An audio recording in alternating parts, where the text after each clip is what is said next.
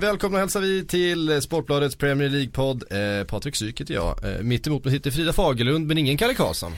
Nej det känns lite tomt här till Mm. vänster om mig. Och ingen Patrik Bränning. Jag skrev precis på Twitter innan här att eh, Bränning skulle hoppa in istället för Kalle. Men han fick ett sånt där eh, akut eh, journalistiskt förhinder som man kan få när man jobbar på en eh, kvällstidning. Mm. Eh, sådär, så att han försvann han också. Så det blir bara- du och jag idag Frida. Jag hoppas att ni som lyssnar eh, står ut med oss. Mm. Eh, det tror jag de kommer göra.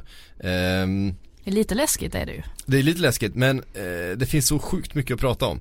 Så att jag tror att det ordnar sig själv för att ehm, Arsenal Man United kändes som en sån där riktigt klassisk Premier League-match. Det var liksom det där precis allt man vill ha. Det var kontroversiella domslut, det fanns ett rött kort, en eh, målvakt som eh, fullständigt storspelade. ehm, ja, det, det, det var liksom allt i den här matchen. Mm. En match som innehöll, innehöll väldigt många what if.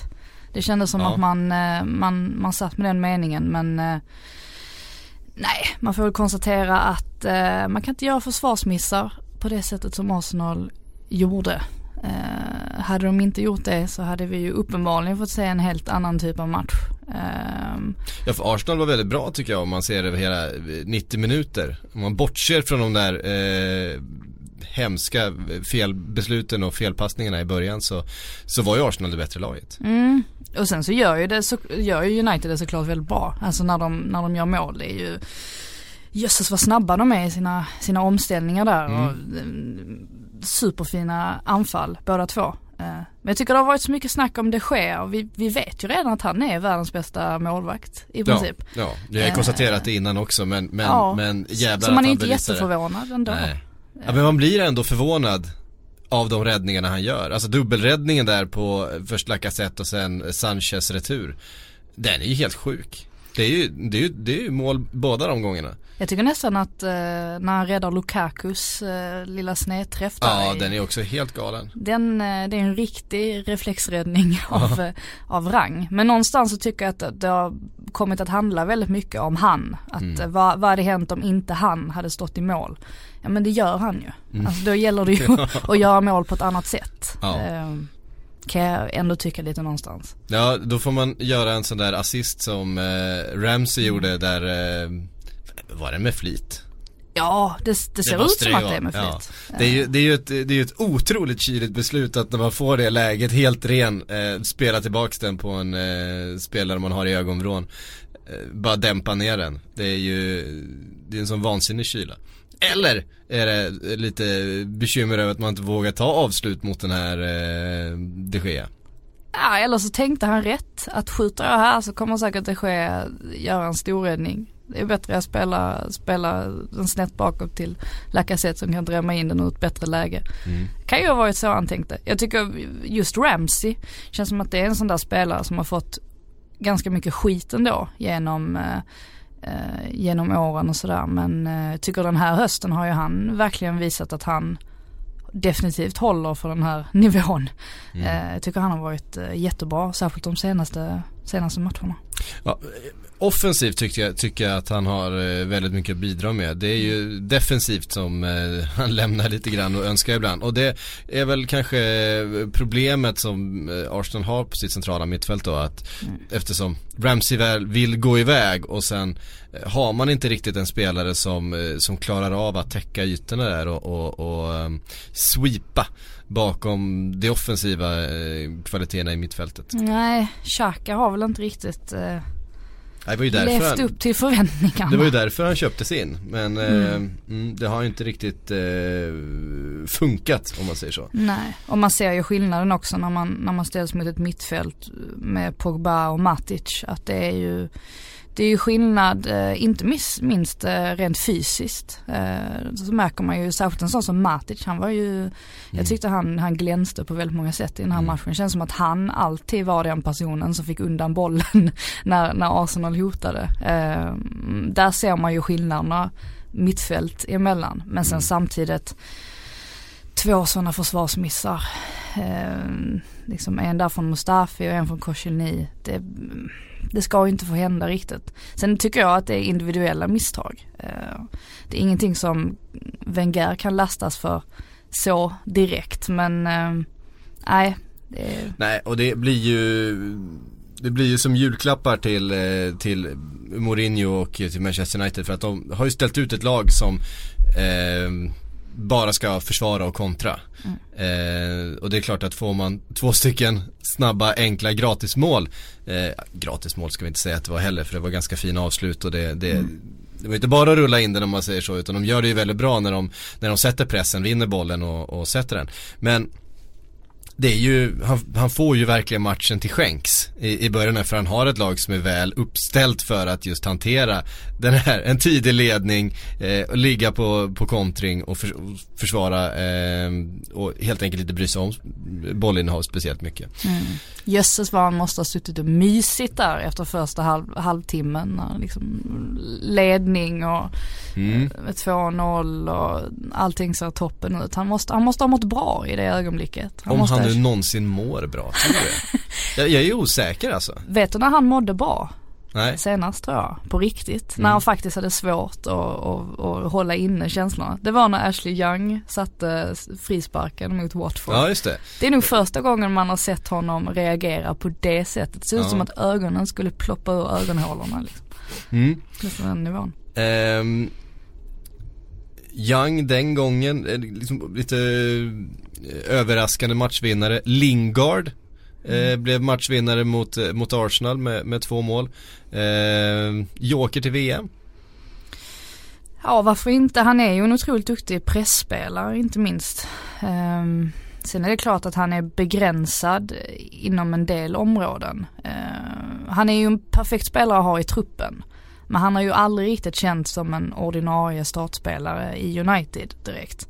Även om Mourinho uppenbarligen älskar honom. Kommer ihåg när eh, Lingard skrev på nytt kontrakt och Mourinho skulle kommentera det här. Det lät ju som att Leo Messi hade skrivit på för United ungefär. Nej men alltså mm. att det var, det märks ju att han tycker oerhört mycket om att ha en spelare som Lingard i truppen och efter den här matchen så, så förstår man ju varför. Mm. Verkligen. Det var några mm, kontroversiella domslut. Eh, Mourinho efteråt var ju eh, på sitt vanliga humör när han pratade om hur, eh, nej jag vill inte kommentera det här för om jag skulle kommentera det då måste jag kommentera det här. Eh, som han lyckades prata runt situationen utan att kommentera eh, situationerna så mycket så lyckades han ändå flika in att Arsenal-spelarna gillar att titta på gräset och, eh, och sådär. Mm. Men rött kort på Pogba, inte mycket att prata om. Nej det är ju inte det. Jag förstår liksom inte varför han fullföljer den. Alltså han måste ju känna själv att eh, trampar jag honom här så, så kan det bli så att jag åker ut. Det är konstigt att man mm. inte har den spärren. Jag tror heller inte att det är, eh, vad ska jag säga, med flit egentligen. Nej, det tror inte jag. Eh, men det är vårdslöst. Mm. Och eh, man har ju som sagt ansvar för eh, sina dobbar eh, och hur de hur de riktas mot sina motståndare. Eh, så att eh, rött kort och tre matchers avstängning då. Vi fick en eh, fråga ifrån Håkan Hallberg på ehm, Facebook.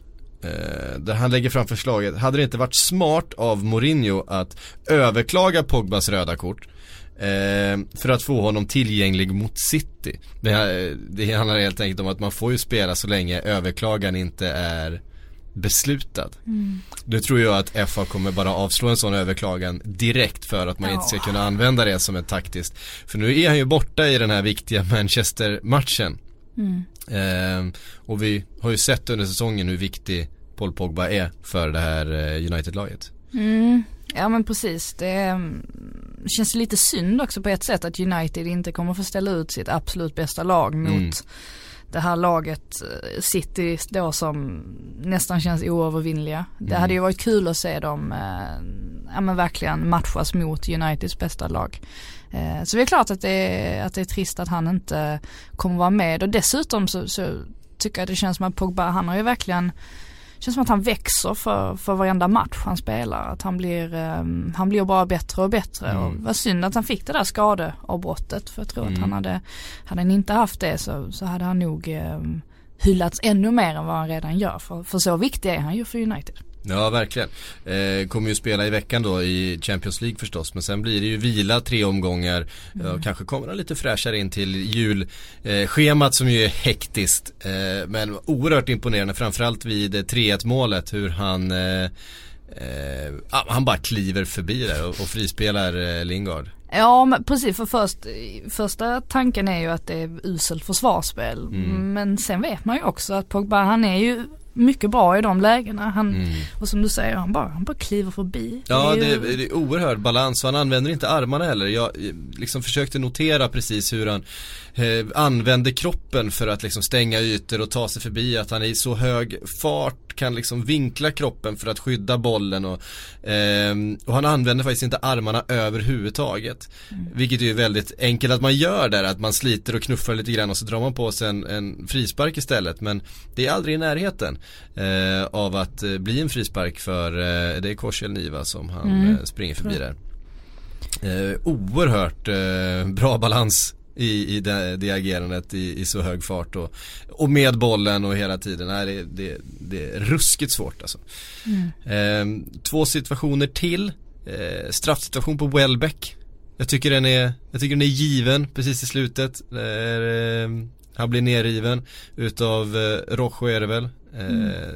Straff alla dagar i veckan och då, eh, ja, då är det ju match. Då är det ju eh, 3-2 då med eh, vad kan det ha varit, 10 minuter kvar att spela ungefär.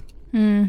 Ja som sagt man satt ju med what if mm. hela, hela matchen igenom. Och, och så där är det ju, ibland får man dumsluten med sig, ibland får man dem emot sig, mm. ibland så känns en målvakt helt eh, ostoppbar, ibland gör han inte det. Det känns som att den här dagen gick ju ingenting med Arsenal överhuvudtaget. Mm. Men som sagt, hade de inte gjort de två missarna där i början så hade det varit en helt annan match. Ja. Det, det, är ju någonstans där som, som det inte känns orättvist ändå i slutändan. Mm. Eh, man får inte göra sådana misstag och då, då, då, blir det så här. Mm.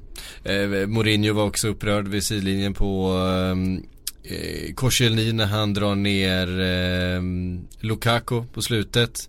Eh, han vill ha lite frilägesutvisning då.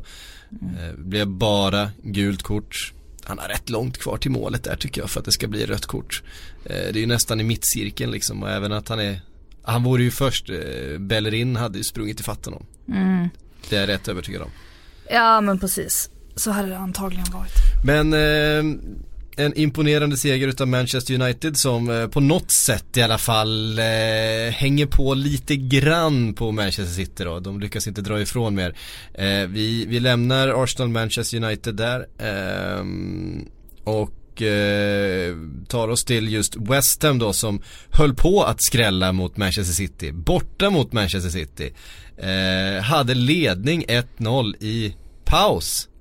Mm. Eh, David Moyes is a football genius. Eh, höll jag på att skriva på Twitter där och sen så såg jag att eh, Manchester City vände. Eh, och eh, ja, de är ju svårslagna just nu. Ja, men kändes det inte lite som att City gick på halvfart i, i, i första halvlek? Att, att visst man kan, man kan vända det till att West Ham gjorde det bra. Men vi har sett ganska många lag under säsongen överprestera mot just City. Det är mm. som att de flesta lag tänker att det här är en sån omöjlig uppgift att de får en det extra Det släpper lite press Precis. kanske. Mm. De känner väl att nu går vi bara ut och kör. Mm. Och å ena sidan så kan, får man ju lugnt säga att West Ham-spelarna de visar ju upp en en, eh, en mentalitet som de inte riktigt har visat upp, eh, speciellt ofta under säsongen. Jag vet att David Moyes sa det efter matchen också, att han var ju jättenöjd med, med inställningen, eh, vilket säkert retar en del West Ham-supportrar att höra en tränare säga att han är supernöjd efter en förlust. Eh, men han menar väl alltså just ehm, Ja men just att de, att de ville någonting och att de verkligen gick ut och, och gav 100%. Eh, men City gjorde ju inte det, de gav inte 100% och när de väl skruvar upp tempot i andra mm. halvlek och ger 100% då går det inte. Nej.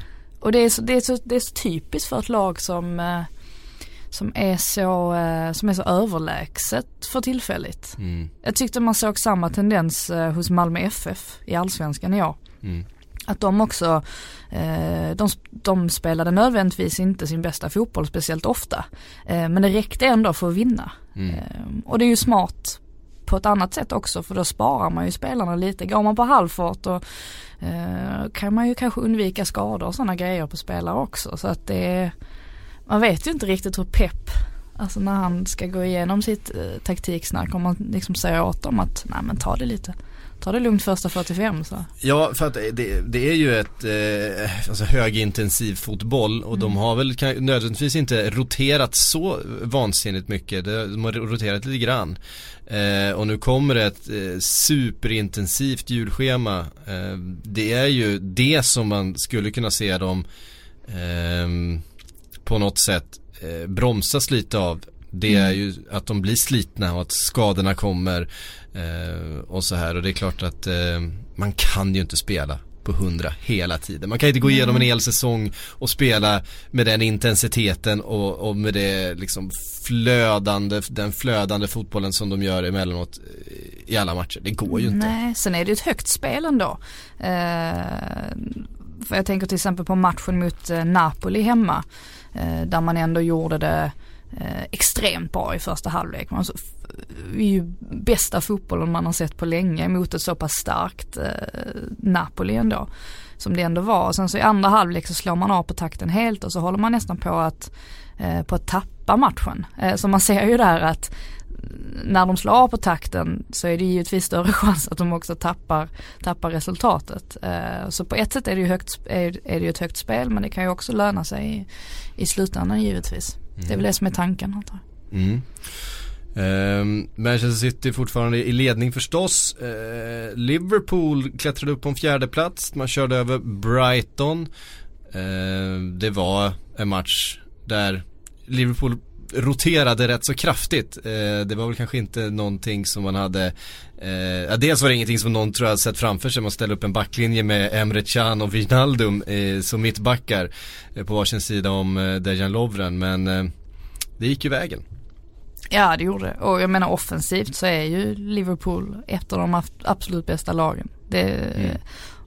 Och jag menar om, om vi ska säga att kanske första delen av, av hösten tillhörde eh, Harry Kane och sen så har en del tillhört eh, Kevin De Bruyne. Så tillhör ju verkligen den här delen av hösten som vi är i nu eller vintern eh, Mohamed Salah. Han, mm. han är ju så fruktansvärt bra och nu har det ju börjat tisslas och tasslas lite också om diverse klubbar som är, som är sugna på honom. Real Madrid Mm. Där bland annat, sen vet man ju inte hur trovärdiga de uppgifterna är men eh, det är det inte konstigt. Det blir svårt just nu tror jag, helt nyskrivet kontrakt och kom i somras. Om inte Liverpool släpper Coutinho för de pengarna Nej, eh, till Barcelona så känns det ju väldigt märkligt om de skulle släppa Salah till Real Madrid. Men det säger ju lite om hans eh, form och att mm. han, väcker, eh, han väcker uppmärksamhet runt Nej, om men, i Europa. Det, det, som, det som man framförallt har bidragit med. Vi satt för ett år sedan ungefär och konstaterade att ja, men utan Mané i laget så blir det inget, inget fart i anfallsspelet. Det fin finns liksom ingen eh, ingen riktig kreativitet och ingen riktig speed liksom. Och nu satt Mané på bänken och då är det ju Salah som gör det och då vet vi att mm. i eh, i matchen i, i, eh, i veckan, då började Salah på bänken och då var det Mané som var inne eh, och gjorde första målet och eh, ja, det finns en, finns en bredd eh, offensivt nu också i, i Liverpool mm. som är, när alla nu är skadefria, eh, faktiskt imponerar. Och det är, ju, det är ju det man vill ha, alltså mm. som tränare. Man vill ju kunna ha den möjligheten att bänka sin bästa spelare för att spara honom. Mm. Eh, just eftersom att det är så intensivt matchande och man spelar på ett sånt intensivt sätt. Eh, det är ju drömläge för Klopp och nu har han ju bevisat också, nu har han ju roterat alla, egentligen alla anfallsspelare och han har ju visat att de, det går ju jättebra eh, trots att han gör det. Eh, det måste ju vara en otroligt skön eh, position att vara i mm. som tränare givetvis. Ja, och med en jätteviktig Champions League-match hemma mot Moskva i veckan och sen ett eh, Merseyside-derby till helgen eh, så det är klart att det måste roteras lite grann. Mm. Och Andy Robertson kom in. Mm, eh, äntligen. Äntligen. Eh, han har inte fått eh, spela speciellt mycket. Det såg väl stabil ut. Eh, Alexander Arnold kom också in. Mm. Det är väl spelare som jag skulle tänka mig vilas inför den här intensiva veckan som kommer nu. Mm. 5-1 blev Vad säger du om Coutinhos frisparksvariant? Ja det var väl lite Ronaldinho över den va? Ja, Han har gjort så några gånger förut faktiskt, eh, Mm. Coutinho och efter matchen så bekräftade också eh, Klopp att, att eh, de har noterat att de hoppar högt i, Mm. eh, i Brightons eh, mur. Så att det här var, de, han visste precis vad han skulle göra när han, eh, när han tog eh, frisparken. Eh, Det är något intelligent av sådana frisparkar som man, som man gillar oerhört mycket. Alltså det är ju en variant liksom. Mm. Eh, man gillar ju varianter. Eh, när de funkar. Och eh, jag vet att han gjorde det i en match mot, eh, mot West Ham gjorde han precis likadant. Jag minns också att han gjorde det när han var på lån. I, i, eh, i La Liga när han var bara 19 år gammal gjorde han precis en sån där också. Mm. Eh, och han har gjort det ytterligare gånger. Det kan ha varit någon eh, försäsongsmatch för Liverpool så gjorde han, gjorde han också en sån. Så att det, han har det i, i, i, i förrådet, Mm. eller verktygslådan eller vad man säger. Ehm, mm, vi går vidare till eh, Spurs som eh, tappade poäng mot Watford. Eh, Watford som vi ju har hyllat och som är svårslagna. Eh, Ryan Reynolds here from Mint Mobile. With the price of just about everything going up during inflation, we thought we'd bring our prices down. So to help us, we brought in a reverse auctioneer, which is apparently a thing. Mint Mobile unlimited premium wireless. Ready to get 30, 30, bit to get 30, bit to get 20, 20, 20, bit to get 20, 20, bit to get 15, 15, 15, 15 just 15 bucks a month. So, Give it a try at mintmobile.com slash switch. $45 upfront for three months plus taxes and fees. Promo rate for new customers for limited time. Unlimited more than 40 gigabytes per month. Slows. Full terms at mintmobile.com. Ehm, um, men formen just nu hos Tottenham är, lämnar en del att önska. Ja, de, har, de ser ju lite trötta ut. Eh, men det kan ju Har ju möjligtvis en del vara... skador också, haft Ja, en del problem liksom. Exakt. Det kan ju, när vi, när vi pratar om Liverpool där och att de har många offensiva spelare som kan roteras. Så har ju inte riktigt Tottenham det på samma sätt. Eh, och då blir det ju lätt att, eh, ja men till exempel om Ali inte kommer upp i, i nivå. Eh, där, han har ju otroligt mycket press på sina axlar. Eh, Kommer inte han upp i, i nivå till exempel, ja då, då tappar helt plötsligt Tottenham en jätteviktig del av, av, av sitt anfallsspel.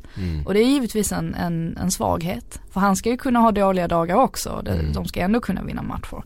Eh, men nu känns det som att lite sen Real Madrid-vinsten hemma. Det är lite, var ju lite där som det började se trött ut. Sen vet jag inte heller om, kan det vara så att vi faktiskt eh, hyllar Tottenham alldeles för mycket när det går jättebra och sen kritiserar vi dem kanske alldeles för mycket nu när det går sådär. Jag vet inte det heller. Det är, mm, Kanske. ja, Ehm, har nu, eh, vet inte om jag säger fel, men har nu bara en vinst på sina senaste sex matcher. Kan det stämma? så kan det kanske vara. Och det var den mot Liverpool. Mm. Ehm, jag kan ha fel här. Ehm, men det är, ehm, Men tänk Crystal Palace hemma, de vann då också va? Ja det gjorde de kanske nu. Mm. Ja nu står det still i huvudet på det. Jag hade det framför mig för lite stund sedan så stängde jag ner fönstret på telefonen och sen så eh, fick jag inte upp det igen. Ehm, så kan det vara. Men ehm, man undrar lite grann vad Pochettino ska göra för att eh, få igång det här laget igen. Nu är man alltså nere på en, eh, på en sjunde plats till och med. Ehm, och har nu några poäng upp. Det är visserligen väldigt jämnt fortfarande så att det, det handlar ju liksom om en, eh, en vinst eller två eh, så är man uppe där igen. Eh, om resultaten går med igen. Men det känns ändå som ett, ett, ett lä, alltså en tid på säsongen då det är väldigt viktigt att inte halka efter. För nu kommer den här väldigt, väldigt intensiva perioden och det gäller att komma med lite fart känns det som. In i julperioden. Eh, jag tycker man ser det på de flesta andra lag, alltså alla topp 6-lagen att de har kraftsamlat lite inför den här perioden. Jag tycker man ser City göra det just nu. Jag tycker Arsenal ser bättre ut än vad de gjorde i inledningen på säsongen. Jag tycker de ser väldigt, väldigt bra ut just nu. Jag trodde de skulle vinna i helgen också. Men eh, Manchester United har sett starka ut. De kommer också ganska bra. Jag tycker Chelsea som vi ska prata om i lite stund också kommer liksom med fart in i den här perioden. Som är väldigt intensiv. Har spelare som har hittat formen och som, som ser intressant ut. Hos Tottenham ser det nästan tvärtom ut. Att man har, eh, man ser trötta ut redan nu. Precis som du var inne på. Ja, och sen någonstans så, det, blir ju svårt också att tänka, ska vi satsa på på Champions League-spel. För där har det sett mycket bättre ut. Mm. Alltså i Champions League har de ju överpresterat. Mm. Eh, och medan i ligaspelet då så har det ofta sett, ja det såg ju bra ut inledningsvis kanske men nu har det ju sackat lite. Mm. Eh, sen är det svårt också, man kan ju inte satsa för mycket på Champions League för man måste ju ändå, det är ju ändå viktigt att ta sig in där i, i, i toppen av ligan också givetvis. Med tanke på nästkommande säsonger och sådär. Eh, Men visst är det ju så att de inte har spelare att rotera emellan och det har de inte riktigt, eh, har inte riktigt lyckats heller rent värvningsmässigt. Det är väl klart att Davinson Sanchez har ju kommit in och han har ju varit han har varit eh, strålande på många sätt Mm. men de har ju inte hittat riktigt någon, någon backup i, i offensiven. Alltså Llorente har ju kanske inte levt upp till förväntningarna så som man trodde. Eh, och det behövs ju kanske in med någon till mer. Eh, för Får se vad som händer under januarifönstret. Eh, även om Tottenham inte är kända för att rekrytera speciellt många spelare sådär direkt. Så känns det ju ändå som att de kanske borde få in någon till i alla fall. Mm. Eh, på tal om Davison Sanchez där. Eh, det har ju spelats två omgångar sedan vi satt här i studion senast. Eh, det blev eh, oavgjort också mot West Bromwich tidigare i, i veckan. West Bromwich som nu tränas utav Alan Pardew. Eh, Det ska vi nämna lite, eh, en liten stund där också. Eh, igen. Men eh, där Salomon Rondon som ju inte haft någon supersäsong så här långt Alltså den, den axel mot axel som han eh, trycker på Davison Sanchez är bland, bland, det, bland det tuffaste jag sett alltså. Där såg han ut som en junior Sanchez. Eh, det, han kommer faktiskt själv med fart från sidan in och ska bara flytta på Rondon. Och det går inte. Det Nej. måste vara den starkaste forwarden i hela ligan alltså. Vilken... Jag såg honom göra samma sak med Robert Hoth förra säsongen. I en liknande situation och det är liksom ingen liten pjäs man bara flyttar på. Men Alltså vilken, vilken otrolig styrka han sitter på. eh, Gode Venezue, Venez, vad säger man, venezuelanen? Ja vad säger man? Eh, Venez, ja Ve- det där, Venezuelaren. ve, venezuelaren. Det, Eh, det, ja, det, lät fan, det, var, rätt. det var svårt alltså. Ja. Venez, ven, ja skitsamma. Eh, ehm, det kändes som att han, han, ehm, han tappade ju väldigt mycket av sin fina form som han hade innan då men, men ehm, jag var tvungen att nämna den för jag tyckte den var så imponerande men var lite så här välkommen till Premier League. Kanske. Ja men lite grann Moment. så va. Ehm, och det var också lite, lite ett tecken så, jag menar det, det är West Bromwich som, som precis har sparkat sin tränare. ehm, som, in, som saknar lite identitet och en forward som hittills har varit väldigt misslyckad och att man lyckas mot just ett lag som inte är riktigt på tårna och som eh, Det är väl Deli Alli som ger bort bollen dessutom eh, i situationen. Ehm, Ja, det är lite så här symptomatiskt för ett Spurs som inte riktigt är i slag just nu. Mm. Ehm, vi går vidare till ehm, mm, mm, mm, Chelsea Newcastle 3-1. Eh, fick en eh, smakstart där med Dwight, Dwight Gales eh, ledningsmål men sen hade inte Newcastle speciellt mycket mer att hämta den här matchen. Nej, det är ju nästan så att eh, man slog sig av tanken att eh, med tanke på vilken tränarcirkus det har varit eh, den här hösten så är det ju nästan konstigt. Nu vet vi inte vad som har pågått bakom kulisserna. Eh, men det vore ju oerhört förvånande om ingen egentligen har eh, närmat sig eh, Benitez och eh, hört sig för med honom. För det känns ju spontant som att det faktiskt kan bli så att han till slut tröttnar och eh, tar sitt pick och pack och, och, och lämnar Newcastle om ingen, ingenting sker. Mm. Eh, och det som ska ske är väl i så fall att Ashley till slut ska sälja klubben Mm. vidare. Mm. Det lär väl inte hända det här året. Det lär väl hända efter Nej jag vet inte vad det är för deadline på det budet som har kommit in men det ska väl förhalas in i sista minut och det ska försöka pressas eh, åt alla hå- håll och kanter. Ehm, Det är ju så han, han jobbar, den goda, eh, goda Ashley. Mm. Men eh, Chelsea som sagt, vi var inne på det, de, de är ett lag som har en, eh, en intressant formkurva just nu. Eden Hazard, inte minst i sin nya eh, liksom nummer 10-roll bakom Morata. Två mål i helgen, ett på straffverk visserligen men, men eh, inte desto mindre imponerande. Han ser ju Ja, kanske han som ska göra om vi varit inne på att, eh, att eh, Kane och De Bruyne och Salah har liksom dominerat eh, varsin månad ungefär av den här eh, säsongen kanske det är Hazard som ska dominera den här julperioden nu då. Mm. Ja, det är ofattbart kul att se han tillbaks i den formen. För precis som du säger så har man ju glömt bort honom lite, tyvärr. Eh, med tanke på alla skador och sådär. Ja han kom ju in så sent i säsongen så Ja. att det är ju precis nu som han har börjat liksom hitta matchform ju. Precis. Eh, Och jag tycker samarbetet mellan honom och Morata har ju fungerat eh, bra det också. eh, Vilket givetvis är positivt. Det måste man ju ha. Eh, Sen samtidigt så kan man ju applicera samma grej på Chelsea som vi applicerade på Tottenham. Att eh, de har ju inte någon speciell backup till just Morata till exempel. Eh, Det är ganska tomt eh, där framme eh, utan honom. Eh, Och det är ju givetvis en sån grej som Konta har påtalat hela säsongen att, att han inte har fått de spelarna han har, han har velat ha. Eh, Men det lär väl bli så att Chelsea kommer att ha svårt att hänga med i den absoluta toppen. Eh, inte för att de är ett dåligt lag på något sätt, för de har suveräna spelare i sin startelva. Men just på grund av att de inte har möjlighet att rotera som exempelvis City eh, kan göra. Nej. Ehm, och det har vi ju sett förut också hur mycket som hamnar på Eden Hazards axlar i, i det eh, offensiva, i det kreativa. Ehm, nu är han ju superform här men blir han skadad eller blir han sliten eller blir han eh, ja, utvisad blir han ju rätt sällan så att han, han drar inte på sig så speciellt Det är ingen mycket John Joe Shelby direkt. Mm, Många avstängningar, nej det, det är inte riktigt så. Eh, eller Paul Pogba för den delen, Nej, för det är väl inte hans kan man- första röda kort i karriären heller. Du, frågan var om det inte var så. Är det så? Eh, att det var hans första på seniornivå eller hans andra. Hans första eller hans andra. Han har eh, det är väldigt så, han få. har, ett, han har ett oförtjänt rykte då lite grann Mm, väldigt som, eh, få röda kort, så som jag har förstått det. Mm. Ja, det kanske är så. Det var, det mest, som, det, var, det var en känsla jag hade av att det är sp- en spelare som det kan brinna till lite för.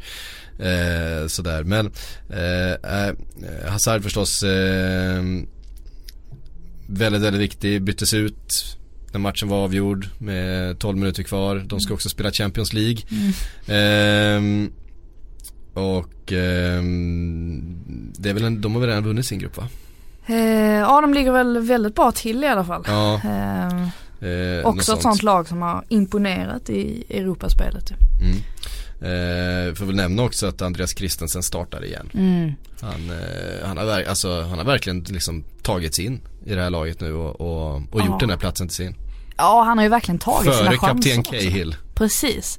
Eh, men jag tyckte Cahill visade redan i säsongens första match. Så visade ju han ju att han kanske brister lite eh, i sina mittbacks eh, egenskaper på eh, sätt och vis. Eh, nej men Christensen han har ju verkligen kommit in och ehm, ja men som sagt verkligen tagit chanserna när Conte har gett honom det. Eh, och jättevälförtjänt att han får, har fått spela till sig en plats. Eh, kul också nu med Danmark som ska till VM och han verkar ju ha spelat in sig där också. I, eh, Så länge de kör trebackslinje i alla fall Mm, så verkar mm. han ju få en, en mittbacksroll.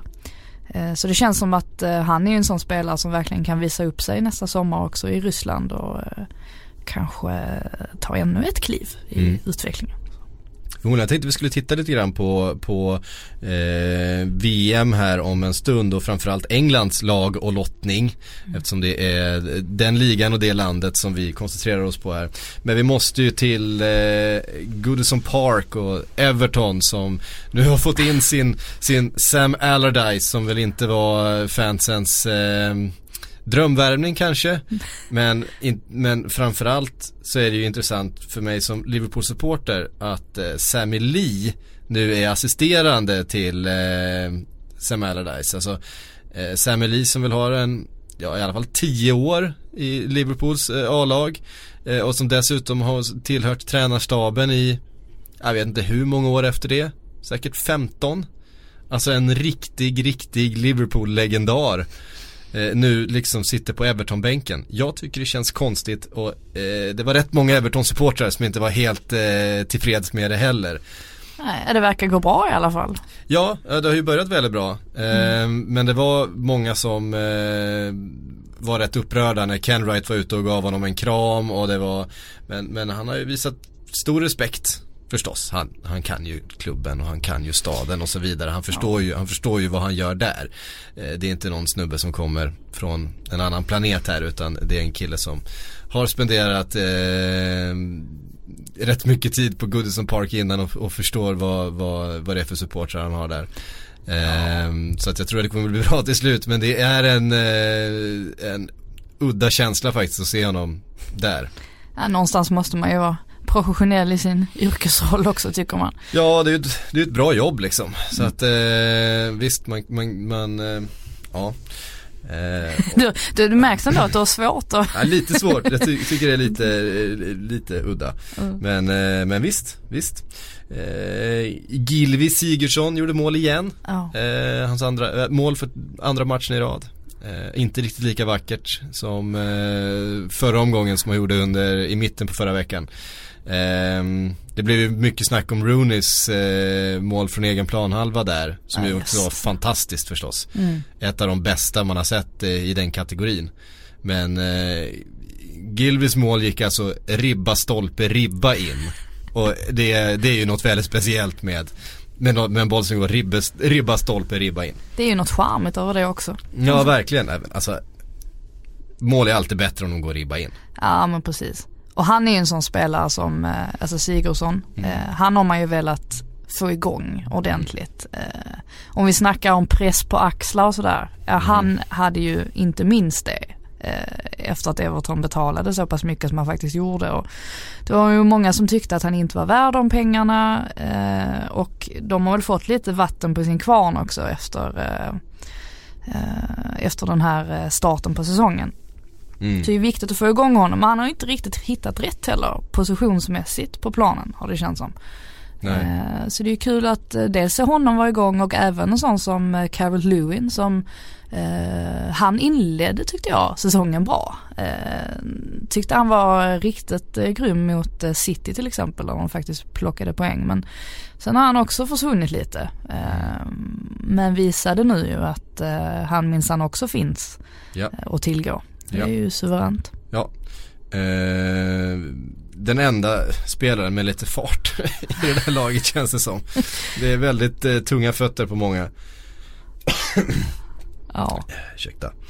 Eh, eh, eh, ehm, ja, ska jag säga, jag sa fel innan jag sa att eh, Tottenham är på sjunde platsen. Det gör de inte, de ligger på sjätte plats men har samma poäng som Burnley ju. Ja. Ehm, som ju eh, mm, mm, mm, mm, förlorade? Förlorade mot Leicester, så var det.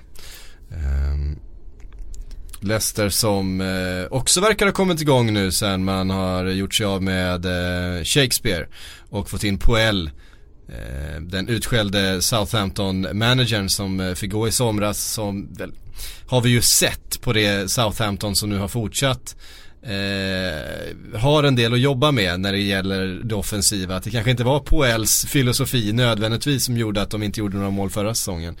Eh, Nej, precis. Det känns som att eh, av alla tränarbyten eh, så har ju han fallit väldigt väl ut eh, i Leicester. Man har kanske inte hyllat honom så mycket som man förtjänade. Mm. För det, det, är ju väldigt få spännande tränarnamn som har kommit in i PL-klubbarna Eh, de senaste månaderna. Eh, och han var väl heller ingen som man ställde sig upp och, och hurrade för direkt. Eh, men han har ju fått ihop det där laget och och jösses vad de har mycket, mycket kvalitet ändå i truppen. Det är ju sånt man glömmer, man glömmer ju bort att mm. Mares fortfarande finns kvar till Ja, att, och att han faktiskt kan få spela fotboll fortfarande. Ja, och Vardy, en, en sån som han, det är ja. ju är en fantastisk, eh, det är fantastiska spelare. Eh, och satte man någon slags krisstämpel på Leicester för några omgångar sedan så är de faktiskt bara två poäng bakom Watford mm. som vi har tokhyllat liksom. Eh, just nu så att det, det ser mycket bättre ut. Eh, verkligen. Så också säga det att Everton som ju också var nere och eh, sniffade på, på nedflyttningsstrecket är nu uppe på en, eh, en tionde plats efter två viktiga segrar. Det är ju inte så många poäng som, som det handlar om eh, där på mitten för att man ska liksom bli indragen. Men nu, nu börjar det väl utkristallisera sig. Ja, vi får se här hur ett lag som Huddersfield håller ihop det och vad eh, ett ja. West Brom som ju just nu ligger på 17 plats med Alan Pardew. Han brukar ju ha en förmåga att eh, få fart i lag precis i början. Eh, han har en, eh, jag tror att han har ett record som säger att han i stort sett alltid ger sina lag när han kommer in en eh, skjuts de liksom tre, fyra matcherna. Men brukar inte de flesta tränarna ha den, ha den eh, Jo, Ja, det, det fi- det de- finns absolut en sån. Eh, många lag som får den här extra injektionen bara en sån grej förändras. Alltså om, om det har gått trögt under en väldigt lång period och så kommer en sån drastisk förändring så blir det ju oftast att det blir till det, till det positiva. Crystal Palace var väl egentligen undantag där. Det gick ju inte jättebra för stackars Roy i början. Nej, han kom ju in Eh, i ett väldigt svårt läge också när de hade liksom, vad precis. var det, Chelsea och Tottenham på bortaplan Mm. de två första matcherna efter han kom in. Ja, och spelare skadade och sådär också. Ja, Eh, Men en shout-out till dem eh, som är på väg och klättrar Mm. sig mm, uppåt Mm. sakteligen. ja. Eh, Swansea tycker jag ser eh, jobbigt ut för just nu. Var Renato Sanchez. Ja, Var, ja det, är, det är ju en sorg på något sätt. är det inte det? Det är som att en, eh, en spelarkarriär bara slocknar. Och jag vet att så kan man inte säga när en spelare är så pass ung som han är. Nej, Eh, Men någonstans så har det ju gått eh, han behöver komma hem till Portugal igen. Ja alltså och, och, och, och börja om. Det känns så. Att han, har inte, han var inte byxad för Först flytten till Bayern München, det var rätt uppenbart. Mm. Men du vet att komma sen och bli en, spela central mittfältare i ett nedflyttnings, Nej. alltså du vet en nedflyttningsstrid i Premier League, det är en jävligt otacksam uppgift alltså. Ja men, ja, men det är verkligen. Eh, och sen ska man ju inte vara så, när man snackar mästerskapsvärvningar som han kanske har blivit definierad som så Mm. har vi ändå en James som har, eh, som har Ja. lyft sig igen. Så det är väl klart att, att det att eh, det inte på något sätt är så att karriären har Nej, han är ju jätteung. eh, Men det känns som att han men- behöver, han behöver komma hem till en, en trygg miljö. Ett Ja. lag där eh, spelet kanske inte vilar så mycket på hans axlar. Ehm, ett lag som kanske inte Alltså spelar med, med kniven mot strupen varenda match och som blir tillbaka pressade och med lagkamrater som kanske håller eh, ligastandard Mm. på fler positioner än vad Swansea gör just nu. Ja man tycker ju synd om killen. Alltså man tycker ju, man, man kan ju, man känner ju med honom eh, någonstans. Eh, det måste vara, alltså man, där, där testas ju verkligen ens mentala styrka. Eh, när man har varit så hypad eh, och sen så går det liksom inte vägen. Eh, lyckas han kravla sig upp ur den här lilla svackan i hans karriär, då lär ju han bli riktigt farlig så småningom. För då måste man vara full av självförtroende om man lyckas ta sig Han ur det här. var, var ju petad i helgen. Ehm, Eh, Bonny, målskytt. Mm, det var roligt. Mm. Ehm, det var ett tag sedan. Jag vet inte hur länge sedan det var men det var väl eh, ja, det, det är första målet för den här säsongen i alla Ja. fall. Och hur många gjorde han i Stoke förra eh, säsongen? Det var inte jättemånga. Ett kanske? Kan det ha varit hans andra mål på typ två säsonger? Mycket möjligt. Ja, det kan inte varit speciellt många i Stoke, han spelade ju knappt någonting. nej precis och han var ju en sån som man också trodde skulle få en liten, liten skjuts i karriären eh, och komma till Swansea. Men, men så har det ju inte riktigt, det har inte riktigt blivit så. Nej, Eh, eh, verkligen inte. Eh, hörru vi ska ta och titta på den här VM-lottningen. Eh, och hur det ser ut för eh, Englands del. Eh, vi konstaterar att eh, Panama, Belgien och Tunisien eh, blev lagen eh, som man ska ställas mot. Och intressant, eller bra tror jag för England så har man Belgien i sista matchen. Det kan bli en match där det räcker med kryss för dem. att båda två är vidare på kryss och då, då kommer det förmodligen bli kryss. ja, för vilken, eh, man, man hoppar till lite där när de fick Belgien eh, i samma grupp. Det känns på något sätt som ett eh, eh, litet symboliskt möte med tanke på att det ändå finns så många PL-spelare i, Mm. i Belgien. Ja. Eh, Nej, men de kom- speciellt. De kommer ju vara anförda utav eh, Ed Hazard förstås. Ehm, om, om han är hel och så vidare. Eh, och det blir ju oerhört spännande för det är ju liksom nu, det känns lite som, jag ska inte säga sista chansen men tiden börjar ju rinna ifrån den här gyllene generationen för Belgien nu. Att de ska, om de ska, verkligen ska lyckas med något i ett mästerskap och kanske ta en, ta en medalj och kanske spela en final rent utav. Ja då känns det som att ska man göra det i ett VM, då är det det här VMet som man ska göra det.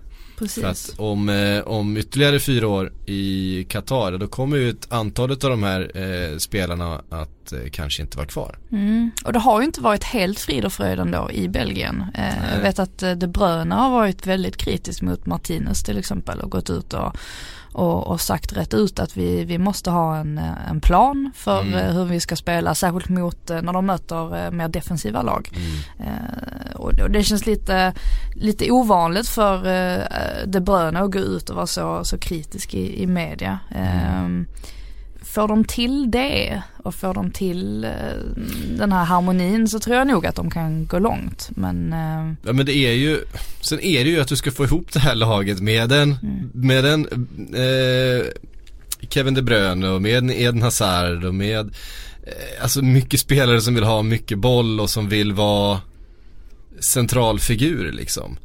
Ehm, och då pratar vi om två av världens bästa liksom offensiva kreatörer. Ehm, men någonstans så måste man, ja, kanske göra en, en, en Pep Guardiola lösning då där, där eh, Hazard på något sätt blir en David Silva och, och De Bruyne är De Bruyne. Eh, samtidigt så vill ju inte, så vill ju Hazard utmana mer och han vill ju ha mer boll och eh, transportera boll kanske över större ytor och inte bara vara en, en eh, passningstriangel konstruktör på samma sätt som eh, David Silva är. Ja men precis. Sen är det intressant också eh, just det här man fick höra för några veckor sedan när, eh, vem var det, Gerard och Ferdinand, nu kommer jag inte ihåg vem den tredje var som satt i studion. Eh, när de berättade om den här tiden, eh, deras gyllene generation Mm. som skulle vara så himla bra. Eh, särskilt med Svennis då, det var väl 2006 de eh, skulle hype eller pika Ja, ja. med det landslaget. Och de pratar mycket om att att just eftersom att det är sån eh, otrolig konkurrens eh, mellan klubblagen eh, så hade de svårt att hitta någon kemi i landslaget. Det hade varit rätt intressant att, att, att se nu på ett Belgien som ändå har eh, stjärnor som är stjärnor i olika klubblag i England. Om de har svårt att hitta sin kemi. Jag tror ju inte det. Eller jag vill ju inte tro att det är så. Eh, Men om de har det så är gi- givetvis det också ett hinder för hur, hur mycket man kan prestera såklart i en sån turnering som ett VM. För, för någonstans när vi tittar på Englands landslag så har vi ju sagt nu efter en, ett antal misslyckade mästerskap att nej men till det här VM så kommer faktiskt, nu, nu, nu kommer nog inte förväntningarna vara så höga, nu kommer vi skriva ner England lite grann, man kommer inte komma in och tro att man ska liksom segla vidare från ett gruppspel och, och ta sig långt och så vidare. Men med tanke på hur den här säsongen har börjat utveckla sig med en Raheem Sterling som är en jätteviktig för, för City. Vi har en Harry Kane som fortfarande eh, en av världens bästa anfallare. En Dele Alli som har liksom jagas av alla de stora klubbarna. John Stones som har vuxit till en, en klippa i försvaret och så vidare.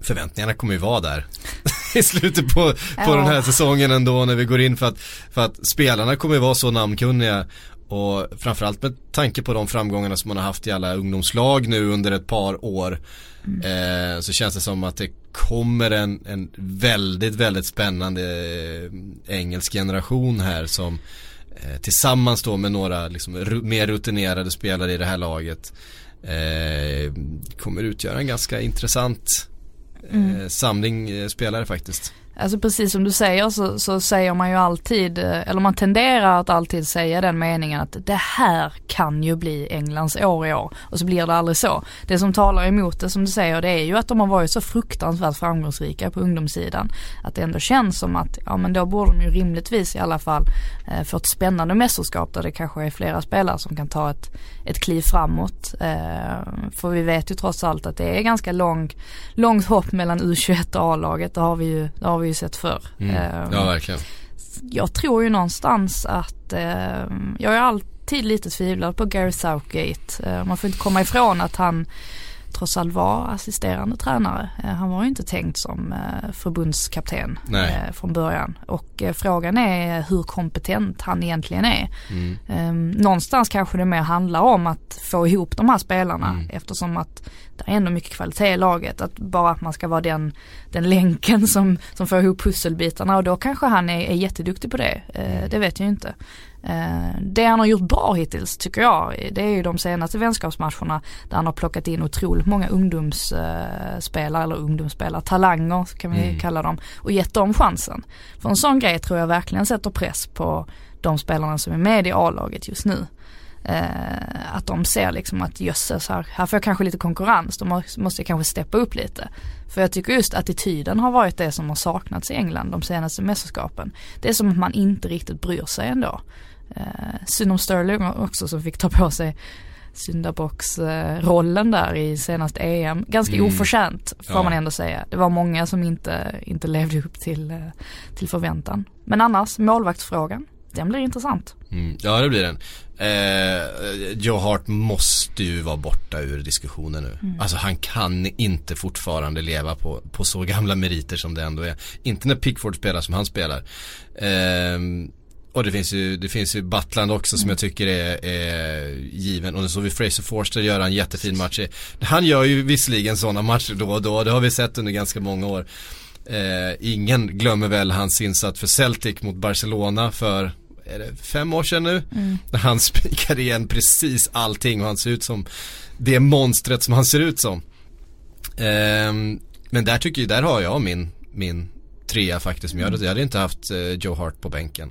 Och Forster gjorde så- ju en fruktansvärd reflexräddning nu i helgen. Det Ja. var ju något av det sjukaste jag har sett. Ja han gör ju sådana där och, och jag vet inte, Joe Hart Skjut lågt till vänster om honom. Alla vet ju att, alla vet ju att han släpper in dem där. Det, har, det, det är en så gammal grej. Han, han är ju långsam ner på sin vänstersida. Man ser ju att alla skott går där också. Eh, för alla inlästa på att han har svårare att, att komma ner på vänster sida än höger. Ja men precis. Sen är ju målvaktspositionen i ett landslag väldigt unik så tillvida att det känns som att man inte alltid behöver prestera till 100% på klubblagsnivå för att behålla sin plats i landslaget. Eh, Men i Joe Harts fall så har han ju dels kanske inte riktigt presterat i landslaget eh, på det sättet som man önskar och dessutom finns det ju ganska tuff konkurrens från andra målvakter.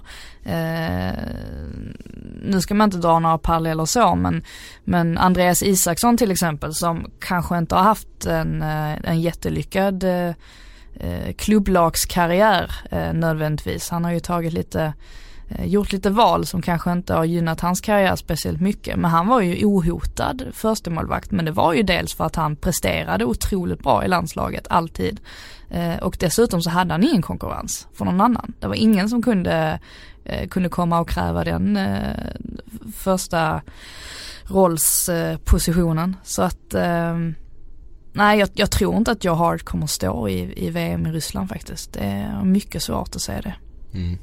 Ja, jag, jag skulle bli Det skulle vara en sån där uttagning som Du vet Förbundsgubbar Mm. eh, Gör för att de har sett för lite fotboll det senaste året liksom Ja men det är svårt också för, för då måste ju övergången ske ganska snart. För de kan ju inte slänga in en ung Pickford till, till exempel rakt in i ett VM i Ryssland. Då måste ju övergången ske det måste ju ske nu eller byte, själva bytet däremellan. Eh, det är ju det man tänker också. Vet inte jag vilka de kommer att spela vänskapsmatcher emot eh, under våren. Eh, men han lär ju behöva testa, testa andra då. Eh, och bestämma sig ganska snart tycker man. Den käre Southgate. Precis eh, Hörrni, eh, vi ska hinna svara på lite frågor här också tänkte jag Ehm, Vi har ehm, mm, mm, mm, fått frågor. Nu trodde ju många att eh, Bränning skulle vara med här och jag hade Mm. då uppmuntras till sillfrågor men vi, vi, eh, vi lämnar dem lite grann så att jag ska försöka Oh, Eh, vad besvikna de kommer att bli. Ja de kommer bli det men vi kan säga det att Sillypodden är tillbaks om två veckor ungefär Eh, Vad snabbt tiden går. Ja, snabbt tiden går. Eh, det här har väl inte kommunicerats i någon annan kanal men med tanke på att det, det är faktiskt jag som är redaktionschef för po- podcastredaktionen eh, så kan jag ju, kan jag ju Det är lite breaking göra, news. göra som jag vill. Eh, ja, det, ja men vi är tillbaka om två veckor med, med CL-podden så håll i hatten för det kommer bli väldigt, bli extra mycket poddar den här vintern också. Det Ja. kommer vi köra flera gånger i veckan.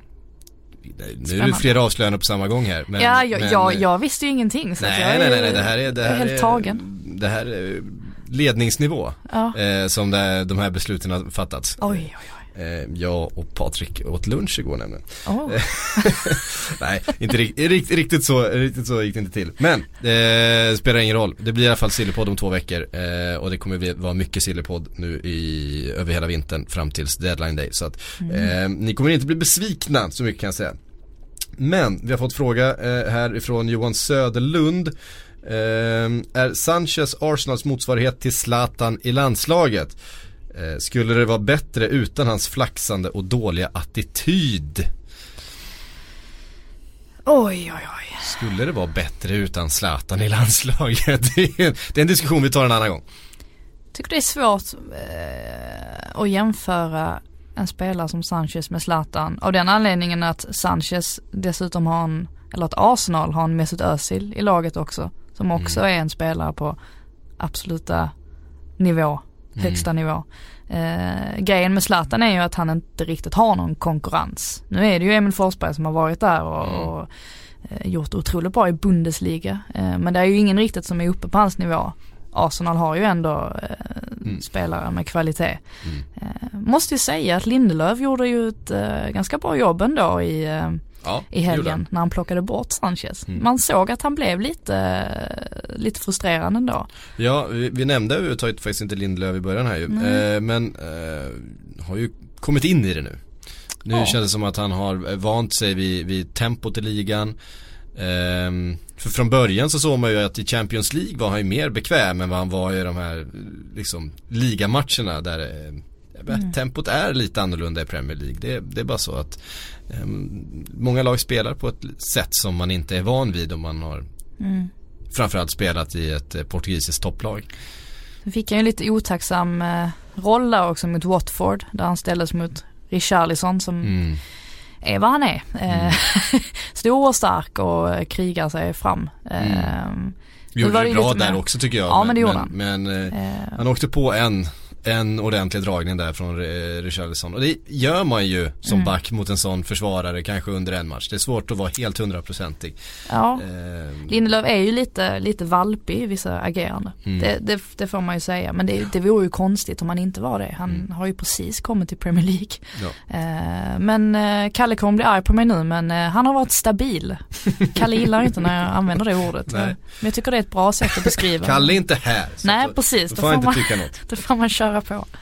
Eh, Lukas Larsson undrar, hur bra är Lingard jämfört med andra engelska mittfältare? Eh, Alltså hans problem, alltså mittfältare vet jag inte vad jag skulle kalla honom. Han är ju en, en uh, ytterforward. eh, och han spelar ju på i stort sett exakt samma position som, som Raheem Sterling gör eh, normalt sett. Så att, Och Sterling är ju före. och Sterling är ju före alla dagar i veckan, så är det ju bara. I, Inte minst nu utvecklingen han har haft den här säsongen. Det är utvecklingen han har haft egentligen sedan Pep Guardiola eh, började träna honom. Har ju varit ganska eh, markant faktiskt. Ja, men precis. En helt annan eh, spelare faktiskt. Alltså, han har ju fortfarande kvar sina grundegenskaper i sin snabbhet och sin teknik. Men han har ju Mm. lagt till en smartness tycker jag. Och eh, ett avslut. Som han ju saknade tidigare. Ja, alltså, ja, alltså Sterling har ju varit en sån spelare som har, eh, han har ju haft problem med den mentala biten. Det har man ju märkt. Jag vet då under EM eh, i Frankrike så, så vet jag att han vid ett tillfälle eh, berättade att eh, Guardiola ringde honom, alltså eh, ett par gånger då och då, nästan dagligen, för, för att stötta honom, för att tala om hur bra han var. Eh, och vilket kan låta helt absurt när man är en spelare på den nivån som Sterling är. Men, men man har ju märkt där att så fort hans självförtroende sviktar då är han inte bra heller. Guardiola har ju verkligen sett honom och verkligen, eh, verkligen trott på honom och visat det tydligt. Det är ju säkert därför han har fått ut max av honom. Eh, Lingard är ju, som sagt vi pratade lite om honom innan, han är ju ganska begränsad ändå. Eh, bortsett från hans pressspel som är fantastiskt bra. Mm. Och snabb är han ju. Ja det är han. Eh, absolut. Robin Gustafsson undrar hur ska United ställa upp i derbyt utan Pogba? Oj, Det blir väl Ander Herrera som kommer in Ja. då bredvid Matic. Det kan ju räkna med att det blir spelförstörande från, eh, från den gode Mourinho i den här matchen. Han kommer ju vara sitt allra mest Mm. pragmatiska jag tror jag. För att det det- det går inte att bjuda det här City-laget på några ytor. då, Nej, kommer de, för, då blir de straffade liksom. Sättet är att försöka stänga ner dem. och lyckas få med sig någonting på en offensiv fast situation eller på en omställning eller sådär. Ehm, Jag tror nödvändigtvis inte att tappet av Pogba har förändrat, alltså Mourinho har nog haft en bild av hur han kommer att spela den här matchen Ja. och jag tror inte att tappet av Pogba har förändrat den bilden speciellt mycket. Men givetvis så tappar man ju en spelare som kan hota mot mittfältare som De Bruyne och Silva som har varit outstanding så här långt. Eh, givetvis. Han ska vara glad att han har kvar Matic i alla fall. ja, kan, han eh, kommer bli rätt viktig Ja, i, i den matchen. Verkligen, han måste vara på topp. Ja, det, ja, det kommer ju bli, det, det är ju verkligen två ytterligheter mot varandra. Nu tyckte jag att, eh, alltså nu fick ju United med sig två tidiga mål här på, på Arsenals slarv. Alltså de bjöds ju på de situationerna. Visserligen var det ett högt pressspel och så vidare. Mycket ett högre pressspel än vad jag trodde att, att United skulle spela inledningsvis mot Arsenal. Jag trodde nog att man skulle spela ännu mer pragmatiskt och eh, som man har gjort i de övriga eh, matcherna mot topp 6-klubbarna. Ja man såg ju det att de, de, de spelar väl 3-4-3 där inledningsvis och sen föll de tillbaks och så bildade de en fembackslinje när det behövdes. Eh, och frågan är om de kommer vara så eh, våghalsiga mot City. Det känns ju som att där vill nog Mourinho hålla nollan ändå så länge det bara Jag tror går. att det kommer bli en väldigt lik matchplan mot den som de hade på Anfield. Mm. Där det var liksom så här, nej vi, vi tänker inte ge Salah och Mané Mm. och Firmino några ytor. Vi stänger ner här. Eh, stänger ner butiken och ingenting hände i 90 minuter. Det var inte ett skott på mål åt något håll. För i stort sett. Ja, I slutändan tror jag helt enkelt att Mourinho vill inte bli förnedrad. Nej. Så är det bara. Han, han har Han- blivit han förnedrad tillräckligt mot Guardiola. Han Han, blev vill det inte det med. med Real Madrid eh, Mm. en gång och det tror jag, Det tog hårt. det gjorde det. Mm. Vi var inne på det förra, förra veckan ju att, eh, ja, sen dess så har han ju haft den inställningen i de här, den här typen av matcher. Mm. Och finns ju inget lag i, i världen just nu som kan förnedra ett motstånd som Manchester City kan. När de, när de väl eh, bara, bara får liksom, eh, ger man dem fingret så tar de ju hela, hela armen liksom. Precis. Det man kan göra är att göra en fruktansvärt bra defensiv eh, match. Eh, vilket många har misslyckats med under säsongens gång mot City. Mm. De Men är det något lag som kan lyckas med det så är det ju United. För de är Absolut. ju väldigt, väldigt bra defensivt. Mm. Eh, mycket tack vare Mourinho såklart men också på grund av att de har spelarna av den, eh, Mm. den med den defensiva kvaliteterna. Eh, ja. eh, ja, det, här, det här kan vi spekulera kring. Eh, Dimitri Delsand skriver, vad förlorade Patrik för vad för att vara tvungen att åka till Finland för att och kolla skidor? Det, jag har det aldrig vet, sett det en sån, vet vi inte men, men eh, eh, jag har aldrig sett en sån miserabel människa som han var. nej. Det var, det var mörkt och han hade fått köpa kläder för tusentals kronor för att han inte skulle frysa. Mm. Och dessutom så tre dagar efter att han har kommit hem var det var till Stockholm så åker Leo, Leo Messi dit på besök med sin familj. Det kunde ju liksom inte bli värre. Nej, eh, och det, det glädjer mig något oerhört att se Patrik på det där viset, ska ni veta. Eh, men Dimitri hade faktiskt en fråga, en, en andra fråga också eh, i samma meddelande här. Vad tror ni är anledningen till att man mörkar så pass kring Zlatan? Eh, för det gör man ju. Det gör man. Nu pratas det om, eh, alltså man mörkade ju väldigt mycket inför att han var tillbaka. Vi har inte han bara, nämnt Zlatan under hela den här podden. Det måste vara någon sorts världsrekord. Ja, ehm, alltså det, det handlar väl helt enkelt om att, att eh, Zlatan är 36. Eh, det tar längre tid för honom att läka och bygga upp. Eh, man vill väl egentligen sätta det i sin motståndares eh, huvud att ja, vi måste nog förbereda för att Zlatan kan spela. Eh, För det blir ju ett annan typ av spel och det, det, det kräver ju andra förberedelser om man har en, en sån spelare längst upp. Det är ju eh, otroligt märkligt dock att man inte kan kommunicera detta. Varför ska det smusslas så himla mycket med det här? Och det, det förstår man ju givetvis med tanke på hela, om man har följt Zlatans karriär intensivt de senaste åren så vet man ju om att han har ett jättebra PR-team bakom sig. Och någonstans så kan jag tänka mig att de har ju lagt upp en plan för det här. I samma sekund som han skadades så la de säkert upp en plan för så här ska det bli Eh, du beräknas vara tillbaka då och då så gör vi så här och på detta sättet. Ehm, och jag, ja, det är väl smart på många sätt men det blir ju samtidigt det blir ju lite löjligt i slutändan också. Uh, ja, som du säger, man har ju full förståelse för att han inte är 100% fit mm. med tanke på hans ålder och mm. skadan han har haft. Som vi för övrigt inte ens vet vad det är för skada men vi kan ju anta att det är något allvarligt. Mm. Uh, men varför inte säga det då öppet? Jo, han vill ju inte visa sig svag. Nej. Det är ju det det handlar om. Han vill aldrig visa sig svag. Uh, och det får han göra som han vill. nu antar jag väl att han kommer att vara tillbaks till derbyt. Det kan ju nästan vara så att han faktiskt har vilat sig till för att han vill vara med i derbyt, det vet man ju inte mm. heller. Nej, han är ju inte med nu i, ikväll. Mm. Eh, mot eh, Moskva. Ja, Utan eh, det är eh, eventuellt då till Manchester-derbyt. Mm. Vi får se. Hörde ni, eh, hörde ni, hörde du Frida, det var allt vi hann med den här eh, tisdagen. Hörde ni som har lyssnat? Eh, Får hoppas de alla har stått ut med att Jag, jag hoppas det. Mm. Eh, I nästa vecka, om en vecka, mm. eh, så är vi fulltaliga igen tror jag. Och eh, då hörs vi då.